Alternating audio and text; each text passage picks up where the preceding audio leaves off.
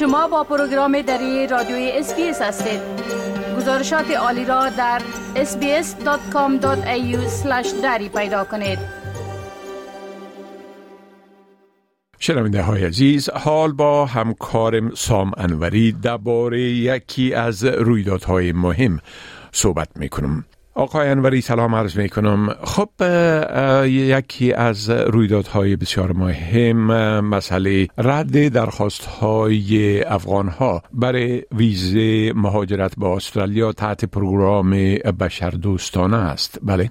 با سلام به شما و شنوندگان عزیز. بله همانطوری که شما اشاره کردید آمار تازه نشان میده که حکومت استرالیا از ماه آگست 2021 تا به حال درخواست پناهندگی بیش از 50 هزار متقاضی افغان را رد کرده. از زمان سقوط کابل در ماه آگست 2021 تا کنون حدود 208 هزار شهروند افغانستان در تلاش فرار از رژیم طالبان برای ویزه بشردوستانه استرالیا درخواست دادند. با حال بیش از 50 هزار تن اونها پاسخ رد دریافت کرده و درخواست های حدود 144 هزار تن دیگر هنوز زیر بررسی هستند. در عین حال بین 15 آگست 2021 و 31 آگست سال جاری 13612 ویزه بشردوستانه بعد با افغانستان اعطا شده. که با این حساب با توجه به اینکه بیش از 13600 ویزا تا کنون صادر شده 144 هزار متقاضی باقی مانده افغان باید برای کمتر از 13 هزار ویزه دیگه با هم رقابت کنند بله خب می‌تونین بگوین که افغان ها در برابر ای رد شدن ها چی واکنش های نشان دادن؟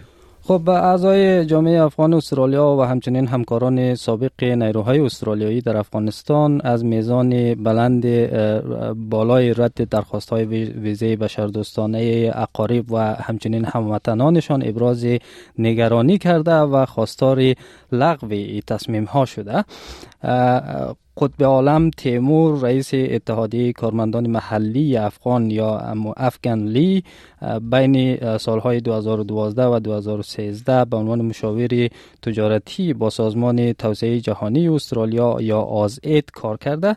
آقای تیمور در ماه آگست به همراه دو کارمند محلی سابق استرالیا در افغانستان به نام های احسان الله شیرزی و محمد نظیر منگل در اعتراض به بیتوجهی حکومت استرالیا به اعضای باقیمانده خانواده هایشان مسافت 700 کیلومتری بین دندنانگ در شهر ملبورن را تا کانبرا پیاده طی کردند. یکی از خواسته های آنها توقف رد درخواست های آن عده از متقاضیان ویزه بشردوستانه استرالیا بود که هنوز در افغانستان به سر می‌برند. اونها از حکومت استرالیا خواستند که درخواست های تازه رد شده را دوباره بررسی کنند.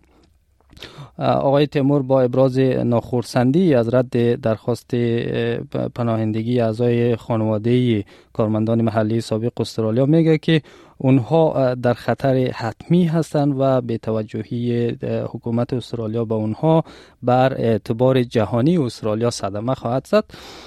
او میگه که حکومت استرالیا باید به قول خود نسبت به افغان های آسیب پذیر به ویژه اقارب کارمندان محلی سابقی که دارای مدرک هستند زنان و کودکان عمل کنه. و نه تنها از رد درخواست ویزه اونها خودداری کنه بلکه روند رسیدگی به درخواست ها را هم تسریع کنه. بله. خب حکومت در این مورد چی میگه که چرا این تعداد از افغان ها درخواست هایشان رد شده؟ خب حکومت کارگر اول باید اشاره کنم که میزان پذیرش برنامه بشردوستانه استرالیا را در سال جاری مالی از 17875 نفر به 20000 نفر افزایش داده. یک سخنگوی وزارت امور داخله به اسپیس پشتو گفته که متقاضیانی که رد شده می‌تونند درخواست جدیدی را برای ویزه پناهندگی و بشردوستانه ارسال کنند و همچنین افزوده که درخواست جدید بر اساس شایستگی های فردیش ارزیابی میشه. اما نتیجه احتمالا یکسان خواهد بود مگر اینکه شرایط متقاضی تغییر کرده باشه و اطلاعات جدید مهمی ارائه داده باشه. برنامه بشردوستانه استرالیا به گفته این سخنگوی وزارت امور داخله بدون تبعیض است و هدف آن کمک به آسیب پذیرترین افراد بدون توجه به نژاد مذهب یا قومیت آنهاست.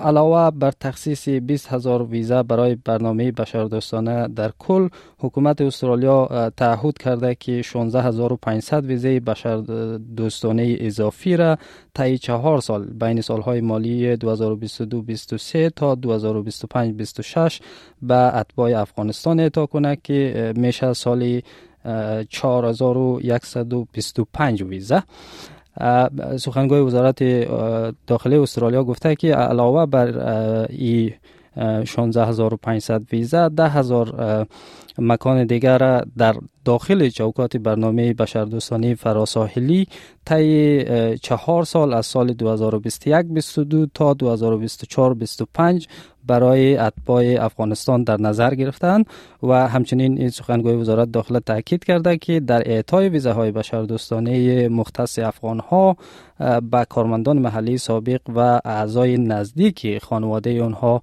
اولویت داده میشه.